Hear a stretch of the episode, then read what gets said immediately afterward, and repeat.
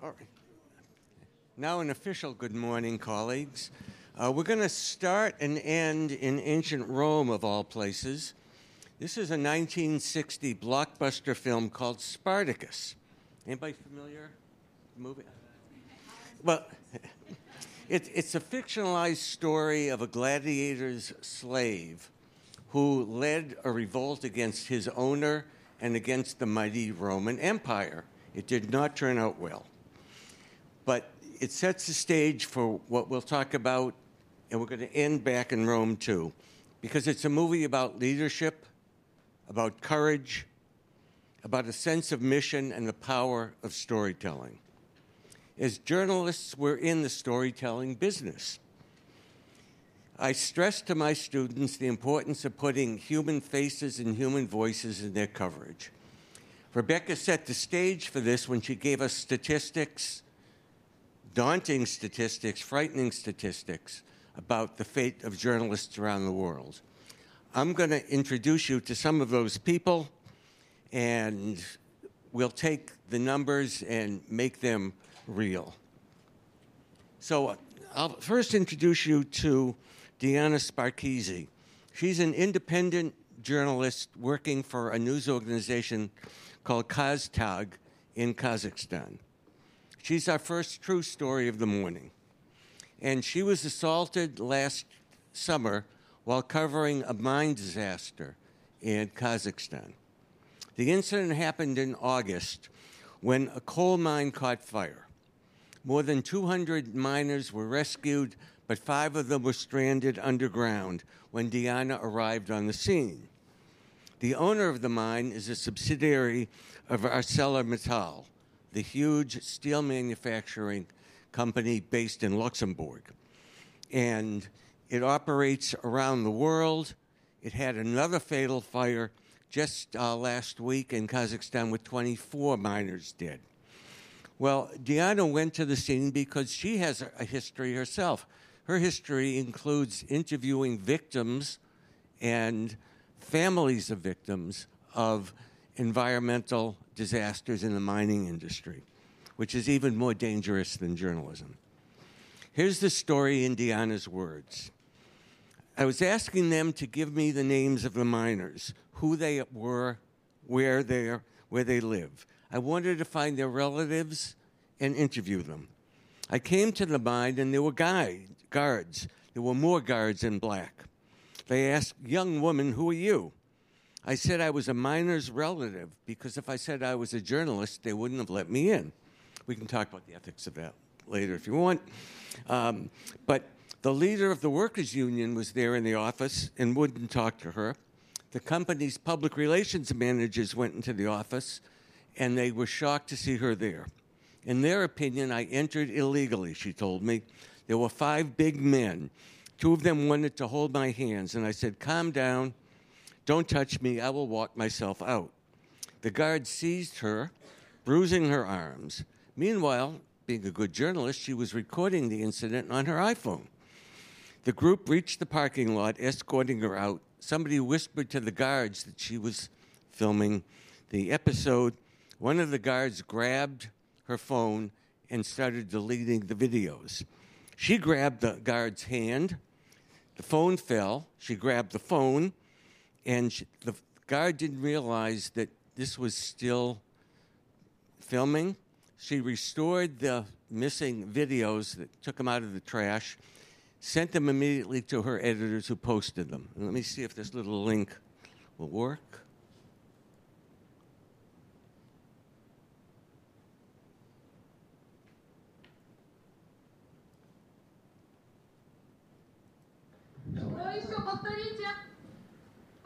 Повторите еще раз. құрметті оқырмандар мені мына кісілер жаңа ғана соткамды тартып алып мына кісі соткамды тартып алып итеріп соткамды сындыра жаздады почему вы себя так ведете скажите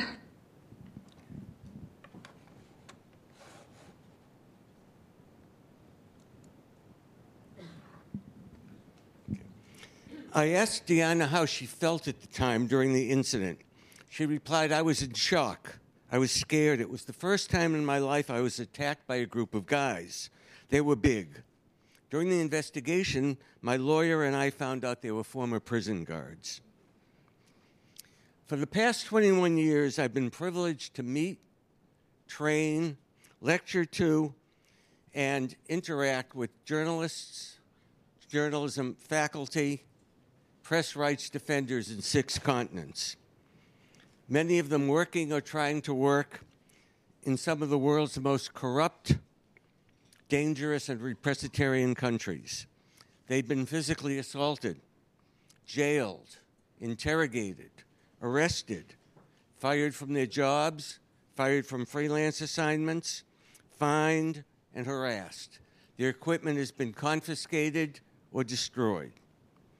So it's no surprise that journalism is considered one of the world's most dangerous professions, and that environmental journalists in particular are among the most often targeted. And that's because our work, our mission, challenges powerful industries, institutions, and people. Many are in extractive industries, mining, logging, fishing, oil and gas drilling. Many operate factories that pollute our air and our water. Many engage in unsustainable farming and agricultural activities. It's often a matter of greed, pure and simple. Huge amounts of money and economic clout are involved, political power is involved. And many of the victims of environmental injustice are the powerless. They live in rural or urban areas, often poor, or they're in indigenous regions with little or no media coverage. They have no political power, they have no economic power. Although the British novelist J.R.R. Tolkien was not a journalist, he captured our mission as environmental journalists when he had that great philosopher, Frodo Baggins, say, I told no lies, and of the truth all I could. So I admire the bravery and the commitment of environmental journalists, those who tell no lies and of the truth all they can. Another one of them is Rodney Sieh. He's a Liberian independent newspaper editor who spent three months in one of his country's most notorious prisons. Previously, Rodney had been sued by former agricultural minister who had embezzled millions of dollars. Previously, he was targeted in an assassination plot by an official who lost his job after his sex scandal was exposed. What landed Rodney in prison a few years ago was an unpaid $1.5 million criminal fine for libel. His so called crime was reporting on a government minister who had stolen money from a project intended to fight a parasitic worm that was destroying farm crops. Here's what Rodney told me Most media houses in Liberia are strangled by the government. The government is a big, indica- uh, a big advertiser in paying media. They strangle you so you become a slave to them. It deprives you from doing what you want and covering these environmental stories, these political stories that affect people. Rodney, who was hospitalized twice during his prison term, said the prison conditions alone, the way people are treated there is horrible. That sickens you, it makes you lose morale. It's meant to intimidate you it's meant to demoralize you. Now we'll move to Brazil, where we'll meet Sam Cowie. He's a British independent journalist living in Rio, and he covers environmental issues in the Amazon. And you've heard how the Amazon is one of the most dangerous regions in the world. He was a good friend of the journalist we mentioned a few minutes ago, Dom Phillips, who was murdered after covering illegal fishing in the Amazon. Sam told me about his encounter with illegal gold miners, many of them poor indigenous men. At the time, his film crew was reporting on ecologically damaging mining activities in the Brazilian state of Para. Sam noted that a vast amount of the income there comes from gold mining, and a lot of that is illegal. Here's how he described to me what happened when his crew arrived at the mining camp. It quickly transpired we weren't welcome. There were indirect and fairly explicit threats. People were telling us, We all know who you are and what you're doing. People be, will be researching you right now. Sam said the hostile crowd also told the film crew people disappear here all the time. People get shot and killed here. It's a pretty rowdy and scary experience, Sam said. They were very, very angry people, often speaking in a language we did not understand because they were not speaking Portuguese. And he said more journalists die when crowds get out of control. That's more dangerous than being targeted by assassination. Tragically, these are not isolated incidents. The roster of attacks and threats so far this year includes the arrest and detention of a Venezuelan journalist, Luis Alejandro Acosta, while he was covering illegal gold mining activities, and the kidnapping of a Bangladeshi journalist, Abu Azad, who was reporting on illegal brickyard operations. But make no mistake, this is not a problem limited to the global south. We, as environmental journalists, incur the wrath of these corrupt, powerful interests. It's by no means something that is unheard of in the US, in Europe, and Canada. And I'll let, let you meet a couple of journalists in those regions.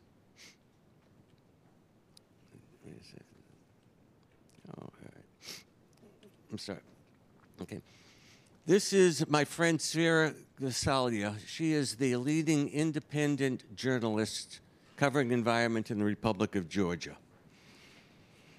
She was talking about an investigation she conducted in the gold mining industry. And you'll see here, just like Rebecca talked about, how mining is one of the major triggers of attacks on journalists. There's so much money at stake, so much ecological destruction that the practices uh, engage in.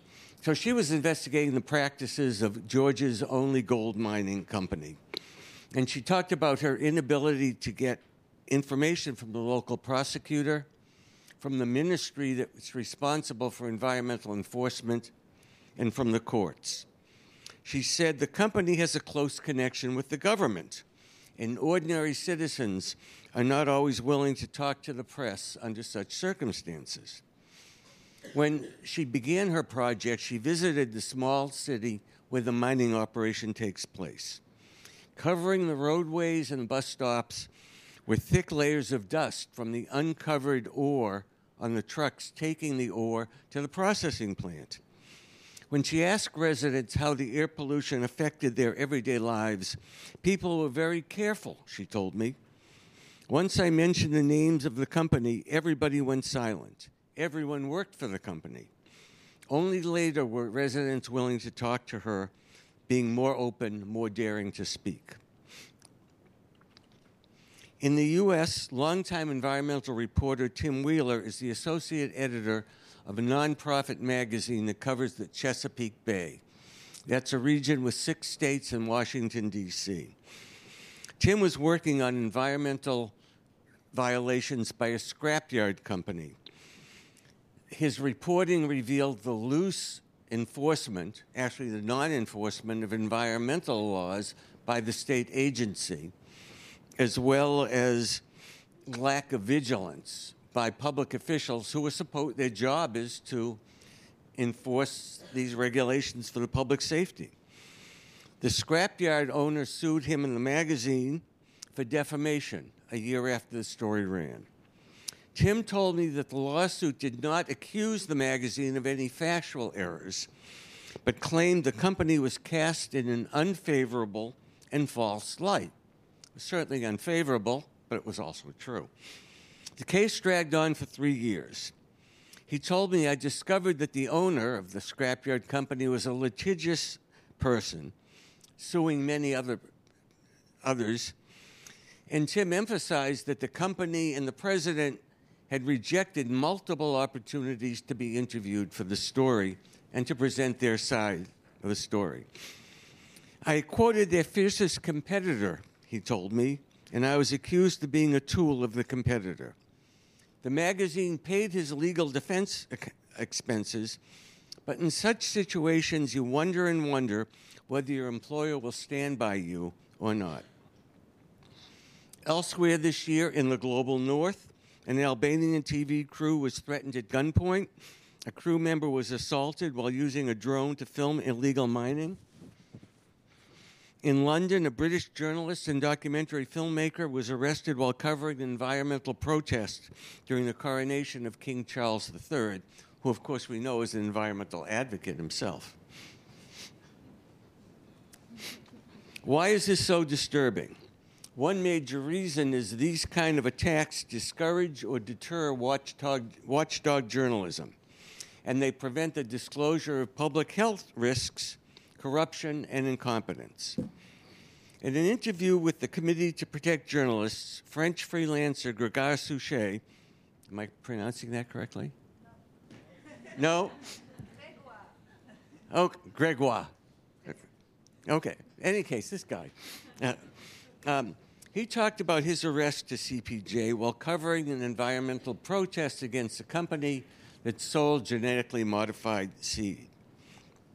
Asked about the impact of the arrest, he replied, As a journalist who reports on local agriculture and local affairs, my involvement in a criminal proceeding by a major local company made my work more challenging. I'm unable to cover legal cases in my region, including my own case and that of environmental activists, due to potential conflict of interest. Referring to his prosecution, he told CPJ, this process, even if I'm ultimately exonerated, still restricts my journalistic freedoms and activities and could discourage other journalists from covering environmental issues and activism.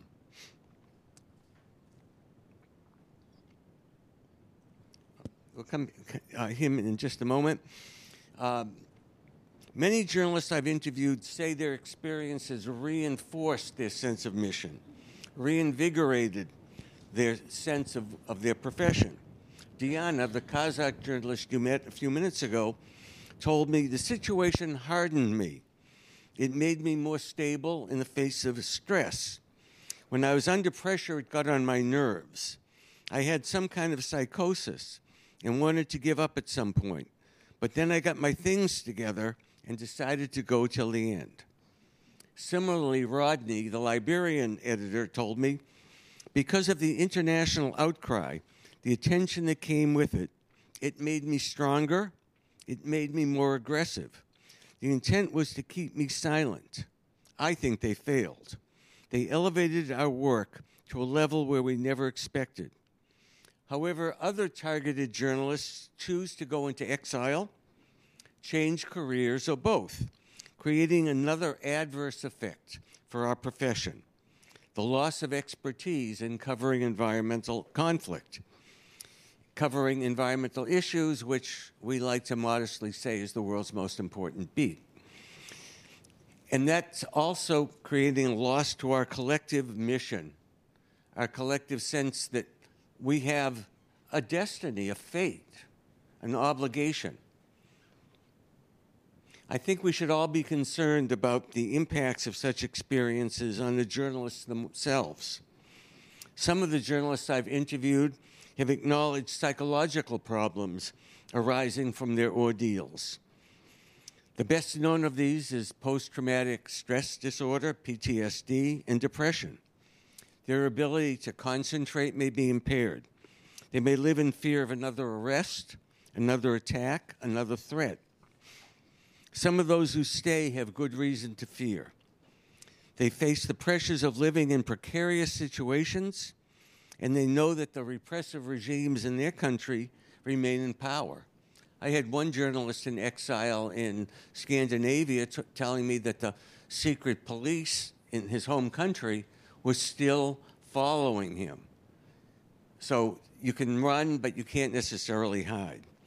The psychologist told me these are not people who can encapsulate their trauma as something in the past.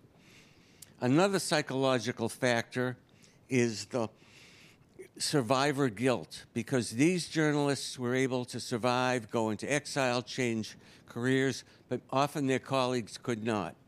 And there's survivor guilt because they leave their families behind. And their families are harassed. Their spouses and partners lose jobs. Ch- children and parents are threatened. Yet most of the journalists who are threatened don't seek counseling. They might be in a country that has no such services. Rodney told me at the time he got out of prison, there was only one psychiatrist in Liberia. They have no money. I had an Indian journalist who had covered agriculture and incurred the wrath of one of the country's leading uh, rose growing country, uh, companies say that as a freelancer, she had no money to even go to counseling had she wanted to. And then also because we as journalists have a traditional sense of machismo, toughness, resilience, regardless of gender, and we pride ourselves on that. After the Oklahoma City bombing in the U.S., uh, the Daily Oklahoman uh, newspaper in Oklahoma City began the unprecedented practice of making counseling services available to its journalists. They could anonymously go for counseling, the company paid for it, and these were journalists who were covering mass murder, mass disaster by domestic terrorists. Among the victims were those children in a daycare center in a federal office building. And that set the stage for things like the programs that the DART Center initiated and that other journalism groups and journalism and press rights defender organizations work on now. I asked Rodney what advice he would give to journalists who face these kind of conditions. The best I can tell anyone is don't be afraid to tell the stories that affect people's lives. As long as you know what you want to do, you believe in what you want to do, nothing should stand in our way. So now I'll, meet, I'll have you meet Manuel Calloquispe. He's an environmental journalist who, among other attacks, was once uh, had once had a machete thrown at him. You know, guns are one thing, machetes are something else.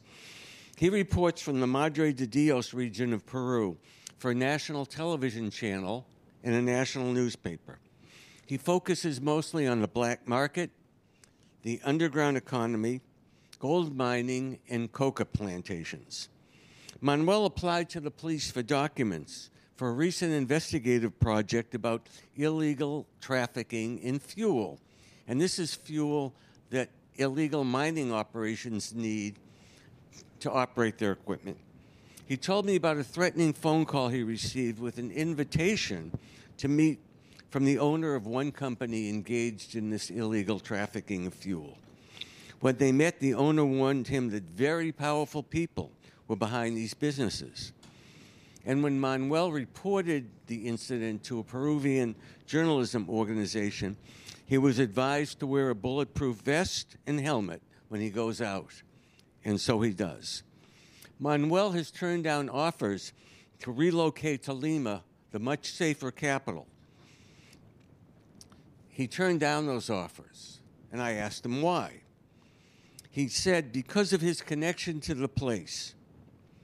He's seen the beauty of the place, the biodiversity, the people migrating to Madre de Dios from the Andean regions, seeking new opportunities, but being kidnapped, killed, or entangled in illegal activities when they arrive. He's seen the impact of illegal mining on the forests, vast parts of which are becoming deserts or savannas. But perhaps the most compelling reason, he told me, is that I decided if I don't do it, who else will do it? We're going to go back to ancient Rome. This is a scene from the end of the movie. As I told you, the rebellion did not end well for the slaves. So you see hundreds of men chained, laying or sitting on the ground, and the Roman general comes out and says, Because we're merciful, we will spare all of you from being crucified. All you have to do is tell me who's Spartacus. Okay? If he's dead, show me his body. If he's alive, point out. You'll all still be slaves, but you're not going to get crucified. And one man stands up and says, I am Spartacus. And another, I am Spartacus. I am Spartacus. And they're all up shouting, I am Spartacus. I am Spartacus. And you see the real Spartacus, and a tear is dripping down his cheek. And that's the end of the movie. So I'm going to ask you all to stand up.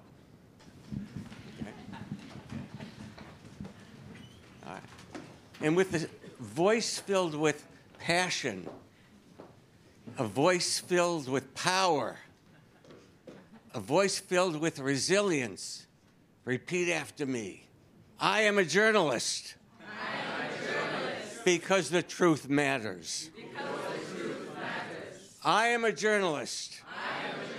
Because the facts matter. The facts matter. I am a journalist. Because people matter.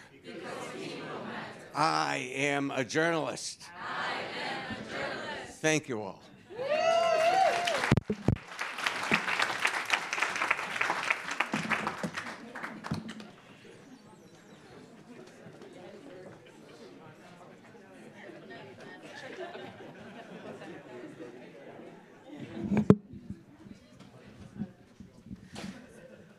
Thank you so much, Eric, for being a journalist and for um, making us being journalists too.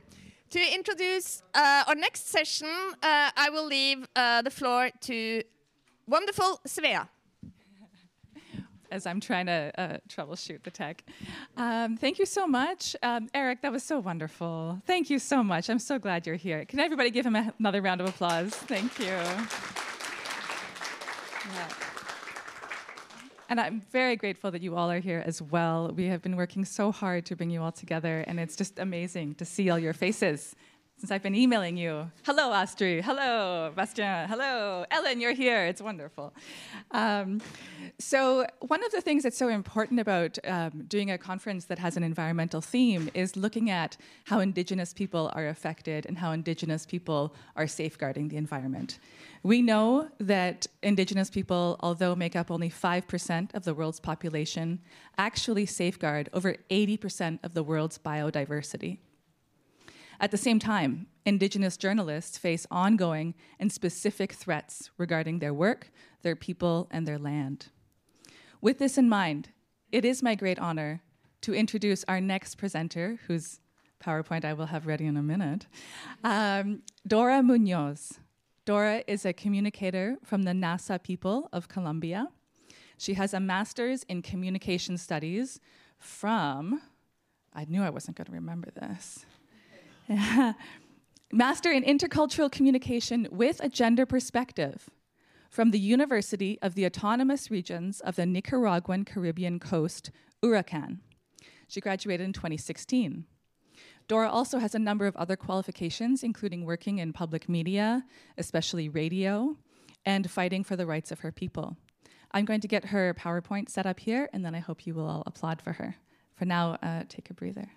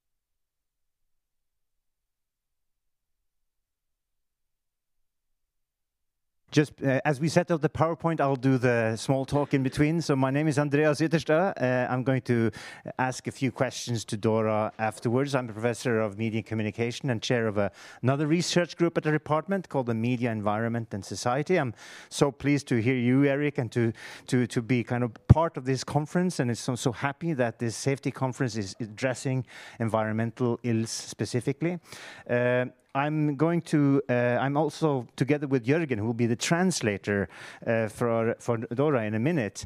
Uh, we've also been fortunate enough to be part of that very same uh, uh, master's degree program that Dora has been part of, the Norhed program.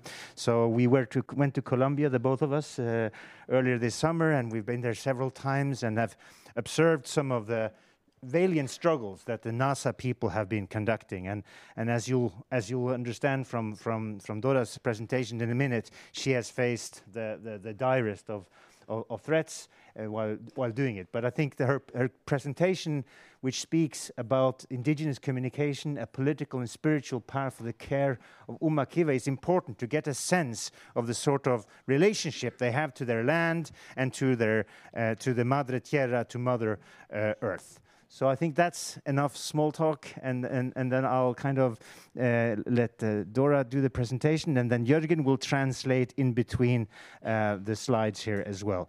Entonces, presentando a, a, a Dora, eh, muy valiente luchadora por eh, el pueblo Nasa. Eh, yo hasta la vi dando testimonio al Parlamento de Cataluña. I'm going to mention as well that not only has she been struggled very hard for the Nasa people in Colombia, she's internationally also been speaking on witness. Uh, I, I, for instance, this summer she spoke to the Catalonian parliament, testifying about some of the things that she will say now. So please, Dora.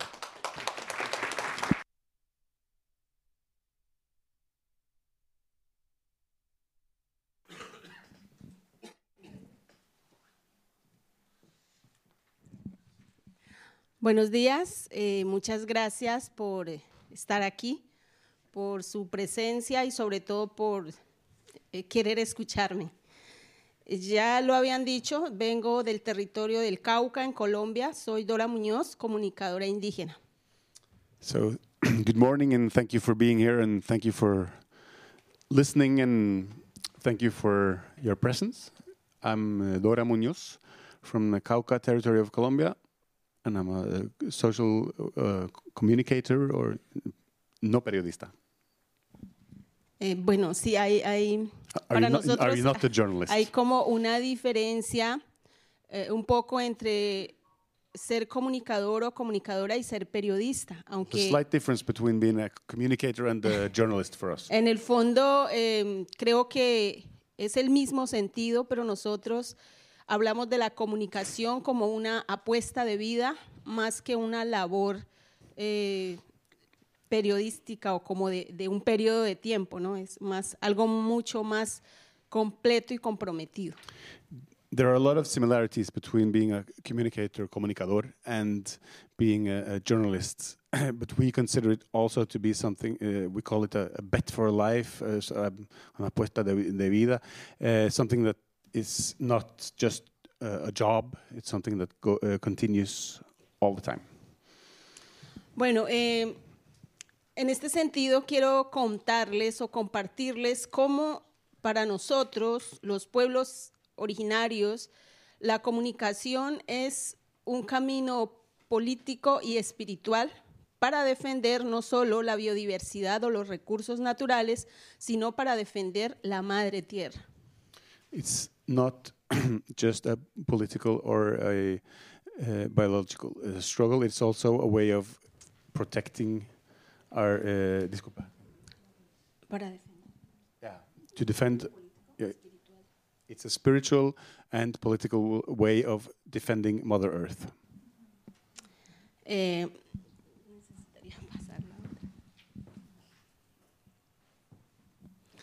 bueno, quiero también contarles por qué eh, hablamos de la Madre Tierra. No, no solamente eh, de la biodiversidad o de los recursos naturales, sino toda la madre tierra, precisamente como la madre y como la casa grande donde habitamos todos los seres, no solo los seres humanos, sino también los seres naturales, los seres eh, que mal llamamos animales y los seres espirituales. I want to talk to you about why we speak about uh, Mother Earth and not just about biodiversity or about land, but um, we speak about different beings, spiritual beings, animals, humans. Eh, vemos el territorio, eh, la madre tierra como la casa, eh, pero más allá como esa madre que nos dio la vida y que nos permite la existencia. We see the territory as our mother, but it's uh, also something that allows us to live, to exist.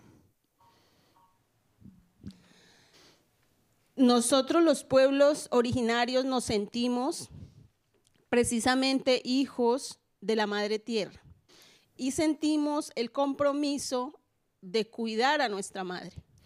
So we feel very strongly, the uh, indigenous people, that we are um, daughters and sons of the land and of the Mother Earth. So we feel a special calling to protect it. Eh, en el territorio encontramos todo, absolutamente todo lo que necesitamos para vivir. In our territories, we find everything, absolutely everything we need to live. Encontramos el agua, el oxígeno, los alimentos, todo lo que en realidad es necesario para existir. We find Todo lo demás eh, son cosas inventadas, necesidades creadas, pero en el territorio está lo que realmente es la esencia de la vida. in our territories, we find what is the essence of life. We find the water, the food, everything we need, and anything beyond that is just uh, invented stuff that is not really necessary for us. Así. Bueno, eh, ¿cómo cuidamos el territorio eh, o la madre tierra? So, how do we take care of, how do we protect our territory, Mother Earth? Hay muchas maneras, eh, precisamente porque vemos el territorio como lo, lo único que necesi- necesitamos para existir. Hemos creado muchas formas. Una de ellas, yo diría que la principal, es la mm, forma espiritual. So there are many ways of protecting our territories, and as we see the territory as everything, everything we need, uh, one there are many ways of protecting it, and one of it is the spiritual. Eh, la espiritualidad es nuestra fuerza y es una forma de cuidar el territorio. ¿Cómo, cómo lo hacemos?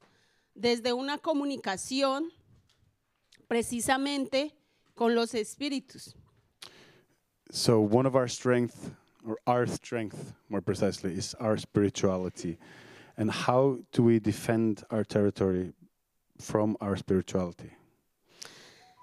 Tal vez oh, On, suene algo extraño, ¿no? De, de comunicarse con los espíritus. So it may o- se- seem strange to be communicating with the spirits. O tal vez para algunos también sea la idea de, de- de hace muchos años, cuando sobre todo las religiones, en nuestro caso la religión católica, eh, llamaba hechos del demonio toda esta sabiduría espiritual de los pueblos. So all of our spiritual knowledge, the spiritual knowledge of our communities, was, as you know, uh, demonized by, for, for in our case, the, the Catholic Church, and some of our practices were uh, called the work of the devil.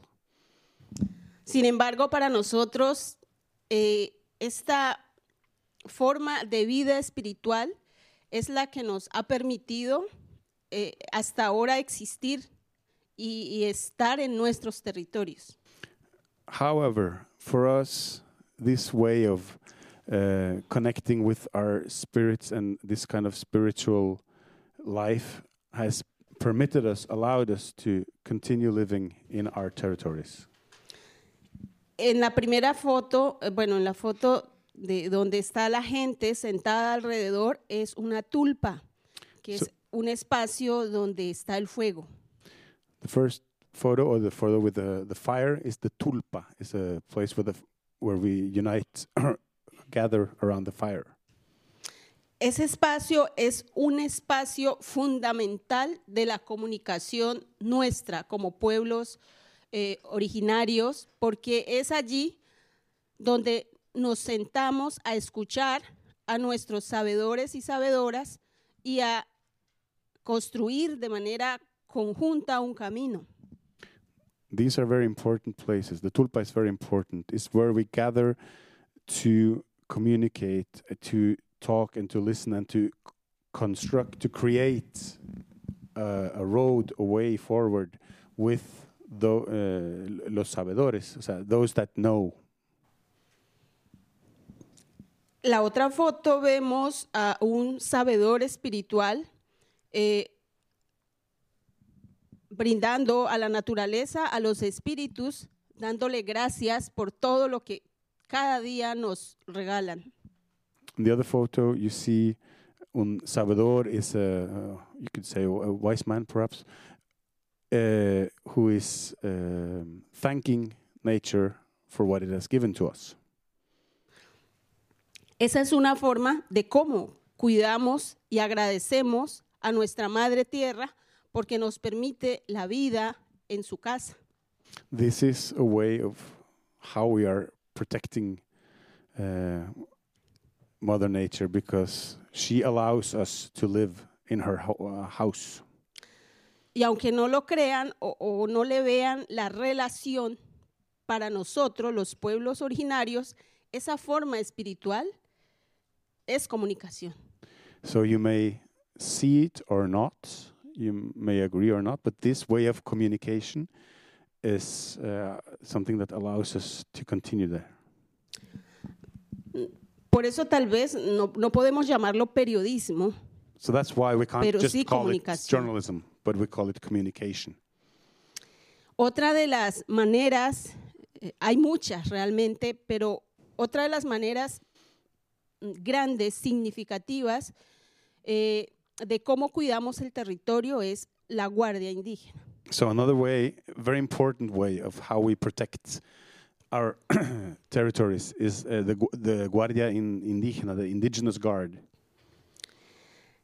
Eh, La guardia, como ven allí, son hombres, mujeres, eh, jóvenes, niños, niñas, que con el bastón y el, chaleco simplemente defienden el territorio de los grupos armados. As you can see from the photo, the Guardia Indígena, the indigenous guard, consists of uh, women, men, young, old. They defend their territory with the baston, the stick, and uh, the jacket against armed groups. Eh, bueno, es un trabajo muy, muy importante porque eh, ellos y ellas no, no tienen eh, un salario, no es un trabajo, eh, es un compromiso de vida. This is uh, a very important and hard work, and they do not receive any compensation in, in the shape of money. Uh, so it's uh, compromiso de por vida. It's a lifelong compromise, lifelong uh, commitment. Eh, como vemos en, en la foto de, de los niños, eh, esta labor se inicia desde, desde esas edades, desde muy pequeños, y es algo que se viene orientando en las escuelas. Eh, los, los más chiquitos se llaman kiweluch, Kiweluch. kiweluch, que so son in- guardias, niños. So in the photo, you uh, in the other photo, you see the kiweluch, the the small fighters, the small protectors. This is something that's taught in school So you you participate from a very young age. ¿Y, y cómo se hace este trabajo de los kiweluch, que es guardianes pequeños, eh, guardianes niños y niñas? Se hace eh, desde las escuelas, eh, se, se les habla de la importancia de cuidar a nuestra madre. So this starts in school with the Kiwiluch, where you teach them and you talk about the importance of protecting Mother Earth. Em, bueno, cosas sencillas como no contaminar los ríos, no botar las basuras al, al- al piso, eh, no, no cortar árboles, no eh, cazar las aves. It can be si- simple stuff as you know, don't contaminate the waters, don't throw garbage on the ground, and um, don't cut down trees or hunt birds. Bueno, y, y así con esta mentalidad, eh, ya cuando se van siendo jóvenes, ya adultos, eh, pues lastimosamente van siendo también víctimas de muchas agresiones, de, de todas las amenazas que hay eh, sobre el territorio, recaen sobre la Guardia Indígena. So as they grow and become youth, they sadly also uh, feel the power of the threats against the work that they're doing.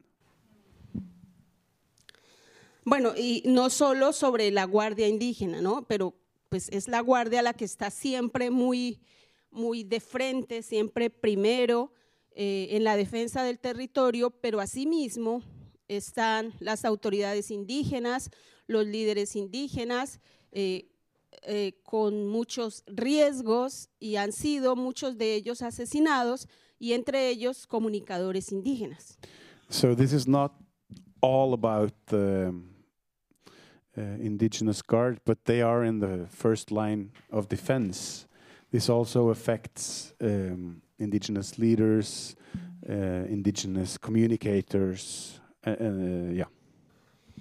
Eh, allí hay dos compañeros, un compañero comunicador indígena de, de mi territorio, eh, que era eh, parte de mi equipo de trabajo, eh, Abelardo Liz, Abelardo Liz is in this photo. He's from my territory and is indigenous communicators. Él fue asesinado por el ejército cuando eh, hacía una labor de eh, cubrir un desalojo que estaba haciendo el ejército a una comunidad que estaba recuperando un territorio. So he was assassinated by uh, the military forces um, as he was reporting on the move, desalojo movement of uh, displacement. Thank you, displacement of a, uh local community, and he was reporting on that.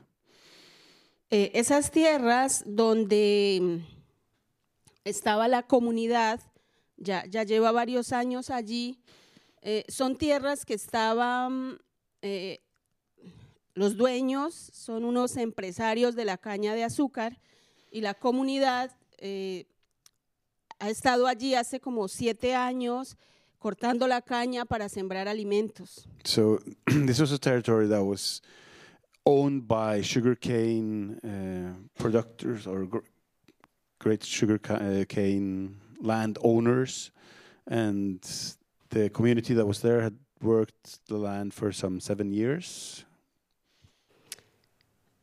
Eh, bueno, así fue asesinado Abelardo, pero también han asesinado a otras compañeras, también comunicadoras y comunicadores, eh, por el ejercicio de, de- contar lo que está pasando en los territorios, porque en los medios eh, nacionales nunca salen estas noticias. So Abelardo was killed uh, because he was reporting on this situation, and this is how other communicators of our society, a community, have also been assassinated. Eh, Because uh, sorry, uh, this is this is not news that is reported on in national media.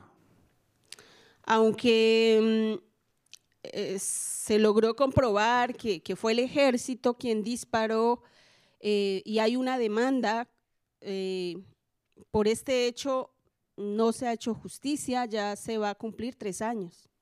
So even though we were able to prove that this was the work, uh, the assassination had been done by the uh, military, there has been no justice. La otra foto está Beatriz. Ella también era comunicadora, compañera. Eh, ella fue víctima de un atentado de un grupo armado eh, de las FARC y también murió en ese atentado. Beatriz. And the other photo is Beatriz. So she was the, also a uh, communicator, and she was uh, killed in an uh, attempt uh, by the an attack by the FARC guerrilla. Bueno, eh, es también un caso en el que no se ha hecho justicia. Es muy, muy difícil la justicia en nuestro país. It's also a case where there has been no justice, and justice is a very hard matter, a tough matter in our country. Ella ahí venía de, de- de realizar un trabajo eh, de comunicación en un territorio. Eh, venía con su hija de cuatro años. En, em, su hija también fue afectada, perdió su ojo izquierdo. So she was coming back from uh, commu- uh, her work as a com- comunicadora uh, with her four-year-old daughter, who's also impacted, and her eye had her right eye vision Im- impaired um, in the attack. Eh, bueno, así como la historia de, de Abelardo y de Beatriz, está la historia de Efigenia, It's the story also of Efigenia, eh, otra compañera comunicadora, hay otros compañeros, Rodolfo, This is the story of Rodolfo. Andrés, eh, Andrés. han, han habido varios compañeros, comunicadores y comunicadoras indígenas que han sido asesinados eh, en el ejercicio de hacer este trabajo comunicativo y muchos otros que pues hemos de alguna manera eh, vivido situaciones de amenaza y todo el tiempo vivimos en situaciones de riesgo por lo, todo lo que pasa en el territorio. So this has been the story of several of our community uh, members, and uh, it continues to be the story of our communicators and of um, ourselves as we receive threats and live in constant danger. Eh, también pues han sido asesinados muchas autoridades indígenas, Also- hombres y mujeres, autoridades, la guardia que ya les mencionaba, y eh, en toda esta lucha por defender el territorio, por cuidar la vida, también otras personas como mi esposo. So this has been the story also of indigenous leaders that fight in um, to preserve and to uh, care for Mother Earth. They have been killed, as it was the case also uh, with my husband. Bueno, eh, creemos que, que todo esto pasa porque hay un pensamiento distinto. eh, hay otras personas que, que no ven el territorio como su casa o como una madre que tenemos que cuidar, sino que lo ven como una mercancía que se puede comprar, que se puede vender, sobre todo que se puede explotar. So we believe that this can happen because there are other people that see our territory as something that can be uh, merchandised, bought, and sold. They do not have the connection to the territory. Nosotros lo vemos de una manera distinta, por eso eh, nos llaman también en el país a los pueblos indígenas como los opositores al desarrollo, como atrasados, como que eh, no estamos permitiendo el progreso. So we see this differently. and that's why they call us in our country. They call us the, um, well that we we oppose to progress. That we are uh, slowing down development. Y nosotros lo único que queremos es que este territorio eh, sea para todos, que, no solo unos pocos quieran enriquecerse con, con sus recursos, con las muchas riquezas que hay en el territorio, sino que sea lo que eh, tenemos en el pensamiento y en el corazón, que sea la casa de todos los seres, no solo los seres humanos. So, in our hearts and in our minds, all we want is that these territories should be for everyone. And not just for humans, but all beings, animals and uh, humans alike. Eh, y por eso, a pesar de todos los problemas que hay, porque hay muchos problemas en nuestras comunidades, los grupos armados, el narcotráfico, el reclutamiento de los jóvenes, de los niños, de las niñas, eh, las muchas violencias que tenemos que vivir las mujeres por todas estas políticas, eh, a pesar de todos esos problemas, le seguimos apostando a la vida y a la paz. So, in spite of all the problems that we do have in our communities, the um, recruiting to the armed groups, the guerrilla, the the, um, the violence against uh, women, the, um, the- in spite of all our uh, problems, we continue this uh, commitment to life. Eh, trabajamos mucho de la mano las mujeres con los jóvenes, con los niños y niñas en, en procesos como los Kiweluch, pero también en procesos como recuperar nuestras, nuestro idioma originario. So we, uh, especially the women, work a lot with the kids, the youth, uh, we, as we saw with the Kiweluch, but also uh, in in matters of language. Sí, y nuestro lema es y siempre ha sido, eh, seguimos en pie de lucha hasta que se apague el sol.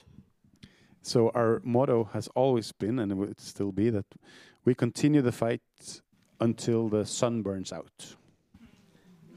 Mm, Gracias. Thank you.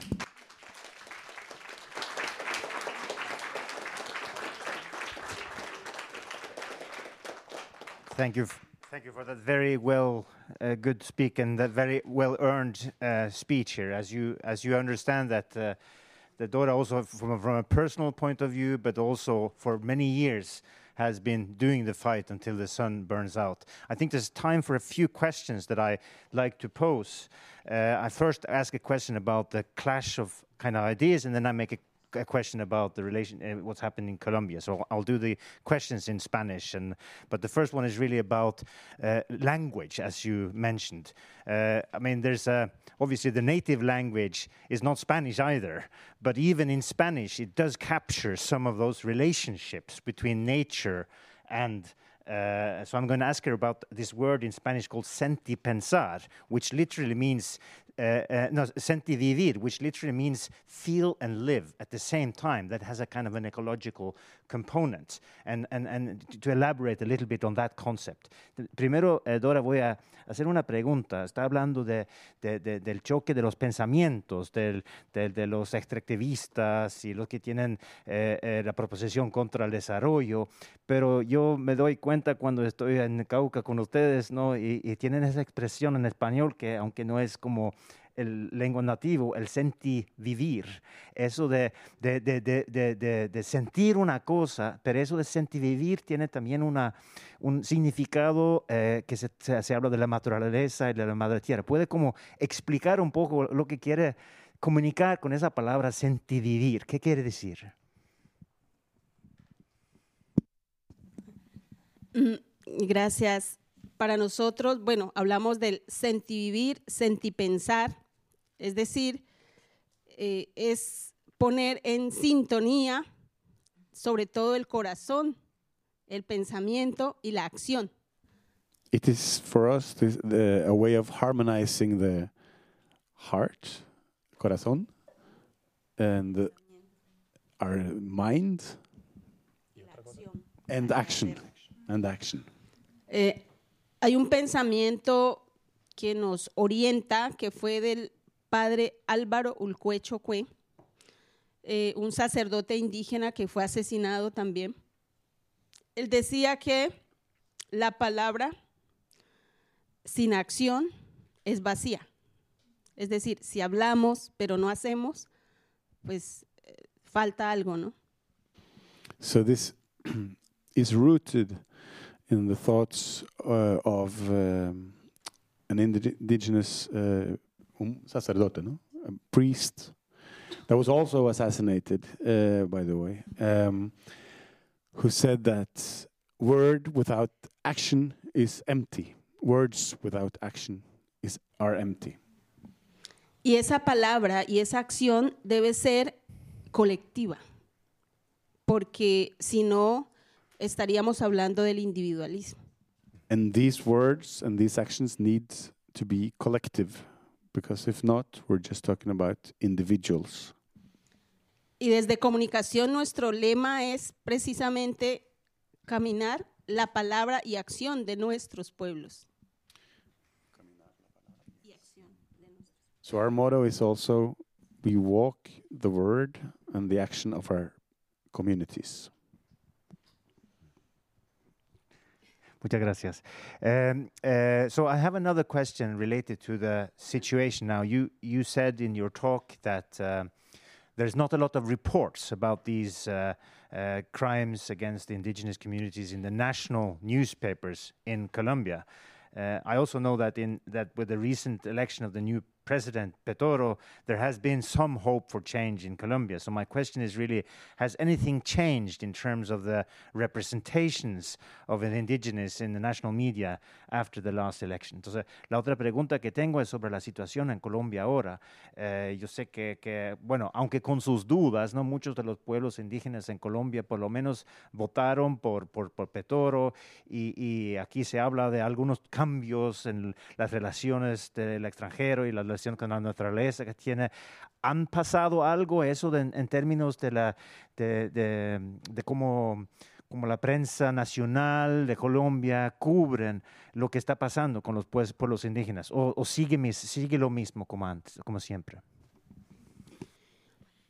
Eh, eh, todos, todos creo que la mayoría de, de nuestro país le apostamos a la paz, especialmente los pueblos indígenas, y apoyamos al gobierno de Petro.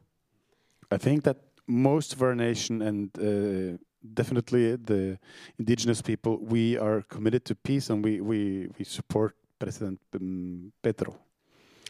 Sin embargo, eh, sobre todo, los medios nacionales no han cambiado su discurso. Ha sido todo lo contrario e incluso eh, atacan muchísimo la, la política de gobierno del presidente. However, uh, the national newspapers have not changed their discourse. They're still continuously attacking Petro's politics. Porque la- los medios eh, no son del gobierno, son de los empresarios y los grupos políticos de derecha. So these newspapers, these media outlets are not from uh, the government. Of course, they are from uh, uh, the, the, the right, the political right. Y precisamente por eso, eh, en los territorios indígenas, campesinos, eh, estamos intentando fortalecer también estas formas de comunicación eh, desde nuestros procesos, desde nuestras organizaciones, para contar lo que realmente pasa en los territorios. So precisely for that reason, that's why we're working in our communities to create or to communicate in our own ways from our own land what is happening the way we see it. Muchas gracias. Yo creo que eso, eso explica tal vez un poco eh, l- l- nombrarlo comunicadores, porque periodistas en un contexto así colombiano se pone un poco difícil. Eh, th- this kind of may also help explain a little bit why the word communicator is as, as attractive as a journalist in a Colombian context, given the discrepancy between the sort of communication that we have here. Uh, uh, we have a time now, if there are somebody in the audience who wants to uh, make a comment or, or, pose a question, we have one or, uh, time for one or two questions, and I think we maybe we can gather up a couple of questions, and then we will let uh, Dora respond. So yeah, um, I'll, I'll go around with the microphone. Okay.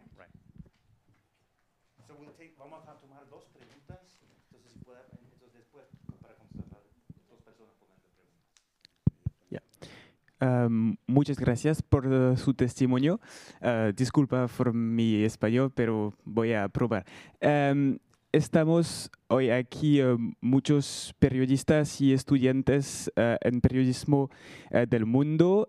¿Cómo piense que como periodistas um, en, el extraño países, cómo piense que podemos ayudar a, proteger uh, su, su, culturales, su, um, y todo el medio ambiente que hay como su pobladas. Muchas gracias. How can, how can we as journalists in foreign countries help your struggle and help protect your uh, communities, your culture and uh, nature? Okay? Yeah. So, thanks for your speech. Uh, my name is Carl Höglund. I'm from Fojo Media Institute in Sweden. Uh, i have a question on uh, uh, the indigenous communicators because I saw that uh, the man was sitting in a radio studio. So I suppose that's a kind of a community radio. So can you please elaborate on that? Uh, how how do you how does it work? What is your audience? What is the reach? What language do you broadcast in? And so on. Eh, gracias por la pregunta, por las preguntas. Eh, la primera, gracias porque más que una pregunta lo siento como un compromiso de parte de ustedes, bueno, también nuestra. Thank you for the questions. And uh, regarding the first question, I also feel that uh, it represents some sort of commitment uh, on your part towards us. Thank you. Eh, nosotros hablamos de, de, las redes, de los contactos, de los enlaces. Eh, de hecho, como esta mochila, ¿no? De los hilos, de los nudos y los huecos. Es decir, Los hilos son los espacios por donde nos comunicamos y los nudos las personas con las que podemos hacer alianzas. So we speak about networks, about uh, connections, and about, for instance, this uh, bag is made by threads and uh, that it's connected in small dots that represent people. We are connected.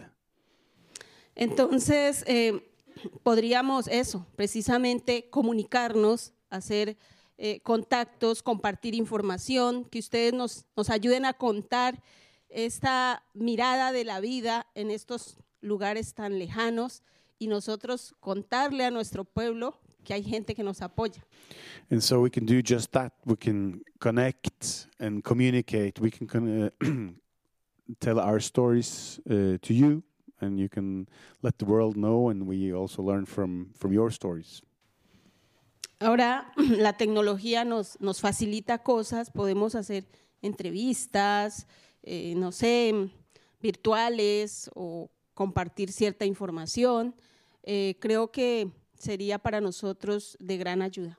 So technology allows us to communicate in different ways. We can do interviews, we can speak to each other, and I think it will be helpful in many ways for us. Y sobre todo que el público de fuera de nuestro territorio que no lleva la lucha que llevamos nosotros, entienda que esa lucha es para cuidar eh, algo, como nosotros lo decimos, un bien común, que es un beneficio para todos. Si no hay agua, si no hay oxígeno eh, en el mundo, y eso está en nuestros territorios, en, en la Amazonía, y si quienes estamos allá no cuidamos, los que están fuera no se beneficiarían. So this could be helpful in many ways. We could uh, hopefully make people see that what we are protecting, what we are uh, fighting for in our territories in, in Amazon, the, the water, the forest, uh, life is uh, what we call a, a shared good, uh, something that's shared for a, a common good for all of us. Ya, eh, la otra pregunta, si hay allá eh, muchas radios, porque es la forma eh, más eficaz eh, o muy, es una muy buena forma para comunicarnos dentro de la comunidad, eh, anunciar lo que está pasando o actividades que se van a, realizar. Y es un, So, uh, regarding the radio, it's a very useful tool for us because it reaches a lot of people. It reaches uh, near everyone, and we can, uh, well, it can be used to uh, inform about activities or uh, news. Eh, es muy especial estas radios porque es la comunidad la que habla a través de estos medios y, y la radio va a las comunidades a recoger el mensaje y lo que quiere contar la gente. So, these radio stations are very important to us and very special because they go into the communities and they report our lives and they report on what's happening and what needs to be communicated.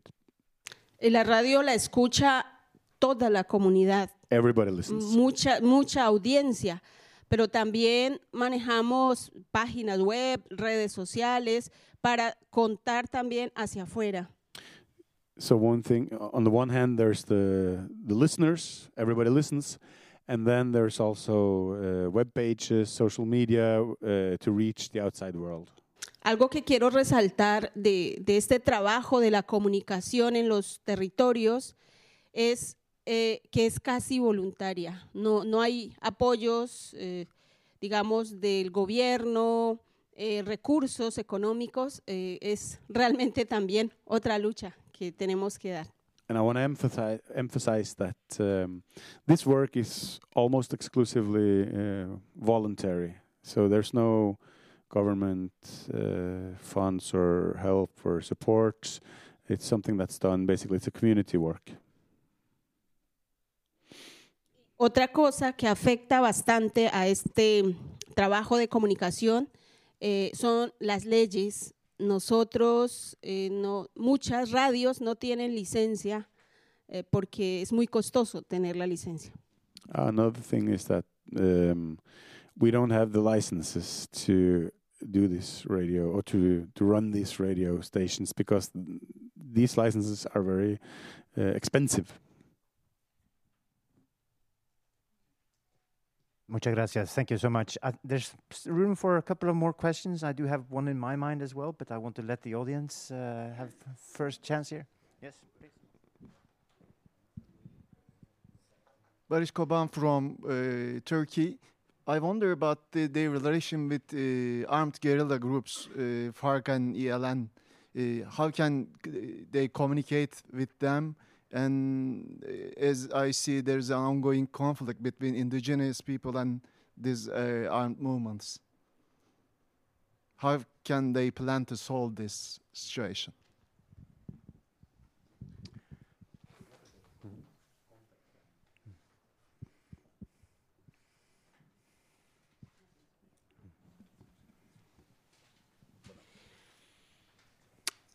Em, en nuestro territorio, de donde yo vengo, hay presencia, eh, bastante presencia de las disidencias de las FARC, el ELN, eh, bandas del narcotráfico, cárteles del narcotráfico, mm, grupos paramilitares. Solo en mi territorio hay la presencia de 14 grupos armados. So in my territory alone, in our territory alone, there's the presence of 14 armed groups. There's paramilitary groups. There's uh, dissidents of FARC, ALN. Uh, there's uh, drug traffickers, drug cartels. Hace más de 50 años, bueno, antes que yo naciera, existe este conflicto y se ha tratado de solucionar de muchas maneras, incluso con, con acuerdos de paz que hasta el momento no han funcionado. So there's been several attempts of of uh, fixing this throughout throughout the more than 50 years uh, before even I was born, uh, through peace treaties, and as of till today, this has not worked.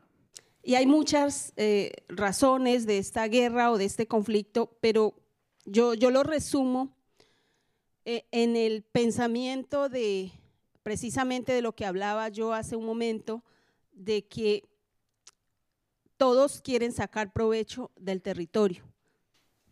So there are many expl- explanations, many root causes. Uh, I would like to go back to what I mentioned a few moments ago that uh, to some the territory is uh, available to to buy and to to sell.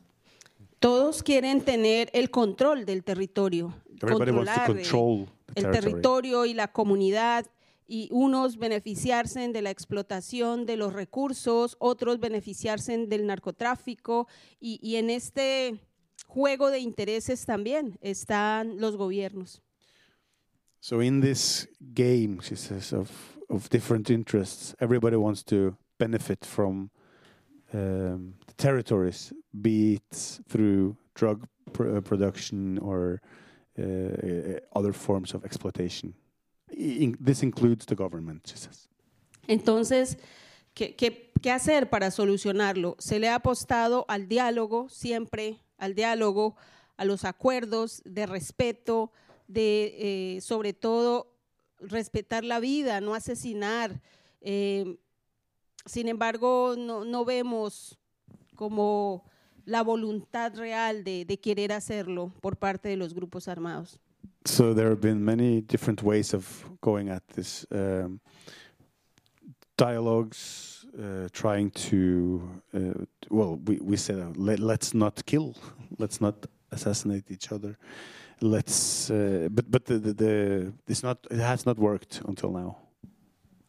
Es muy difícil, sin embargo, como lo decía, pues a pesar de todo esto, eh, a pesar de, de tanta muerte, porque han habido muchas muertes, eh, pues nuestra apuesta es siempre por la paz y por defender la vida. Por eso, pues se, se- ve muy bien que el gobierno nuestro ahora esté haciendo esfuerzos por los diálogos. eh, no, no vemos como una opción las armas, eh, porque las armas lo único que trae es más muerte. So, in spite of all the difficulties, uh, as I was saying, we continue our conti- commitment for life, um, and we are. Um, uh, uh, And we are committed against use, the use of arms as the way of, of, of winning anything. excellent. Solamente con los bastones. exacto, exacto. El bastón y la the stick, palabra. and, the stick and the word. The stick and the word. That's the thing, yeah. Uh, any more questions? I have one myself, but again, you all go first. Sí, por favor. Uh, I want to say something. My English is not so good, but um, I want to. um, ¿Puedo, puedo hablar en castellano y me traducen? Sí, vale. Bueno, eh, quería como agradecer a, a Oslo Meet por el reconocimiento también que representa tener a Dora aquí como comunicadora eh, indígena, como comunicadora comunitaria. En Colombia es muy necesario que haya un reconocimiento del gremio periodístico también a los comunicadores comunitarios. ¿no? Muchas veces no se reconoce su labor y ese reconocimiento es también un tipo de protección, ¿no? es una forma de proteger, un poco respondiendo también a la, a la, a la pregunta del, del compañero que, que hizo antes. I'd like to thank Oslo Met for the, acknowledgement and the and for having Dora here. That this means um, in Colombia, it's also uh, a way of protecting her. Her visibility here is also a way of protecting her in Colombia. Uh, so this acknowledgement, uh, acknowledgement of uh, indigenous communication, like uh, like Dora, is important. So just a little bit add on, is- is- there's a little bit of Spartacus reference to this, that there's just some sort of protection here by involving it as in a, in a, in a conversation about journalism. So she mentioned that as well. Yeah. Hmm. Uh, one more question ab- above there. Uh, do you want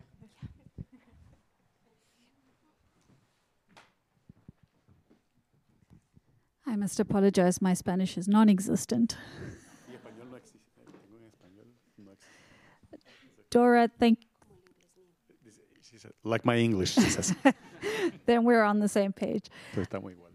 So Dora, thank you so much for that. Um, we've you've talked a lot about the institutional work that you're doing, the community work that you're doing, but of course you've had um, your own personal tragedies in this process. How has that impacted you and your child in particular in terms of the work that you continue to do? Uh, is this something you talk about? Is there a, a worry in the family, for example, in, in terms of your continued involvement? Gracias.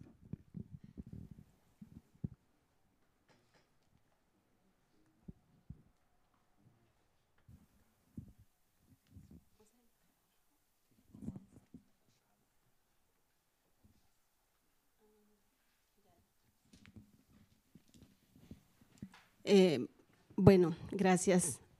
Thank you. Es muy difícil, claro. Eh, te cuento luego. It's uh, very hard, obviously.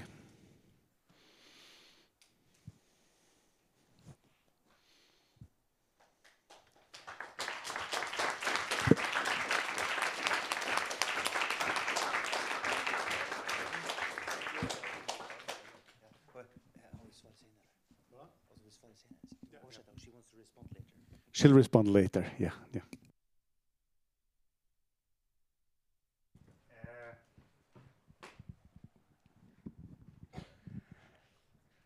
Eh, entiendo que esa pregunta es súper difícil. Voy a hacer una pregunta en totalmente otra dirección para que se alivie un poco, ¿no?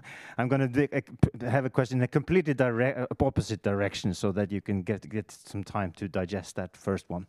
Uh, um, uh, I'm, I'm going to make a question uh, uh, related to the local struggle for territory, but also the kind of global struggle uh, connected to fight against climate change because indigenous communities from Copenhagen to Lima in 2014 has been in the forefront of the struggle against global warming. So I'm going to say some, as, and pose a question related to the kind of their way of thinking, how that can contribute to the broader global struggle.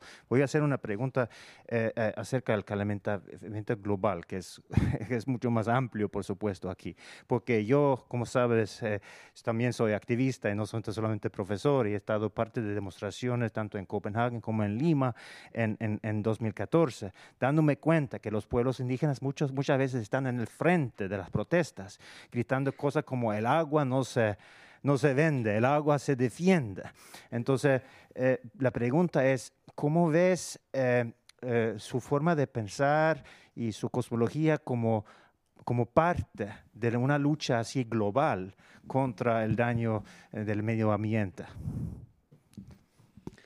Bueno, yo creo que mm, nuestra lucha como pueblo NASA, como pueblos del Cauca, porque en el Cauca no solo está el pueblo NASA, ahí habemos 10 pueblos en el Cauca y en el país más de 100 pueblos. So I think that this struggle from us, the Nasa people in Cauca, in, in, in Cauca were more than 10 different indigenous groups.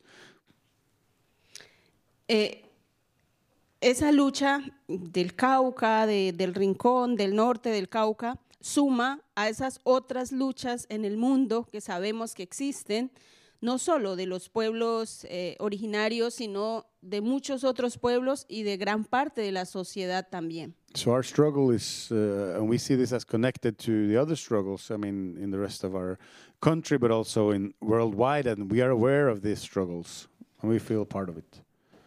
Entonces, por eso no nos cansamos, porque vemos que hay otros pueblos, ah, hay otras personas también que están luchando. Pueden llamarlo calentamiento global, cambio climático, eh, bueno, cualquier nombre le pueden colocar. Nosotros le, llamamos la lucha en defensa de la madre tierra. So we call all of this uh, a struggle in defense of Mother Earth, uh, be it global warming, climate change. Uh, we are a part of all of these struggles. Entonces nos vemos juntos y juntas en esa lucha por la vida, que es en resumen, ¿no? Si cuidamos la madre tierra, estamos cuidando la vida. Sentimos que es, eh, se suman todas esas eh, fuerzas de pensamiento, de corazón, y que eso es lo que precisamente se necesita, ¿no? Mu- mucha más gente que se sume a estas luchas. So mainly what we need is a lot of more a lot more people that unite in these causes and we definitely see ourselves in this uh, in this uh, struggle um, sí. Bueno, eh, ahora sí quisiera contestar. Mm, No quiero que, que te sientas mal por la pregunta. I don't want you to feel bad about the question I would like to ans- answer now Me, me- gusta que me lo pregunten porque siento que les importa. I, I like that you ask this question and that people ask this question because it, it, it is important and it makes you know that you feel that it's important. Eh, y sí es eh, muy, bueno, cuando pasan esas cosas que uno nunca, nunca las espera, aunque la muerte es algo tan natural, pero no de esa manera. So when these things happen, you know, even though death is something very natural, uh, not like we don't want it to be like this. eh, uno no, no sabe qué, qué hacer de ahí en adelante. You don't know what to do there or going forward. Si seguir en la lucha, si hacerse a un lado, si esconderse, eh, es Do you- muy difícil saberlo, eh, saber qué, qué podemos hacer. Do you continue? Do you step aside? I mean, it's very hard to know what way to choose and what to do. Sin embargo, en mi caso, eh, yo creo que ha sido la fuerza de la comunidad, de la gente, eh, que nos ha permitido seguir adelante. I think in, in my case, it's been the strength of our community, of our people, that has allowed me to go on. Y en memoria de quienes eh, han partido de esta manera, ofrendando su vida por esta lucha, eh, hemos dicho, vamos a seguir en la lucha, vamos a seguir adelante, pero claro, hay que cuidarse también. So, you know, uh, remembering those that have departed in these ways, we have decided that we want to continue and that we need to continue, but we also need to be careful. Por eso estamos eh, en un programa de protección en Cataluña. Bueno, por un tiempo regresaremos al territorio y vamos a seguir con esta lucha y vamos a seguir en memoria de nuestros seres que ya no están. So that's why now we're in uh, pr- under protection in Catalonia, and we will return to our communities uh, and to continue our struggle there.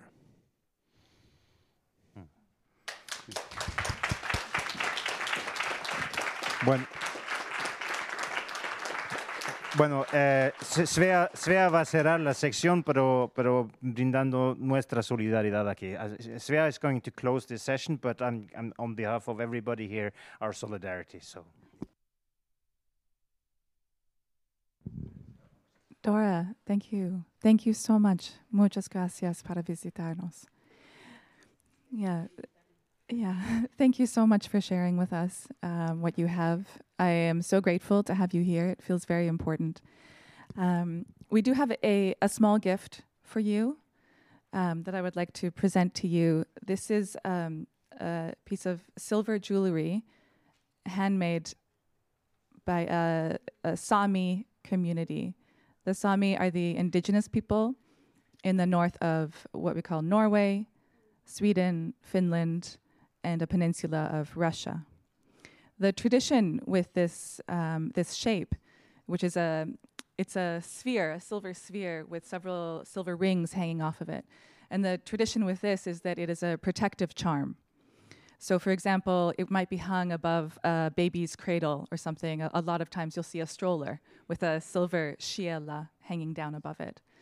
Um, but it is also used by adults as a form of protection and also of confidence and solidarity with other indigenous peoples.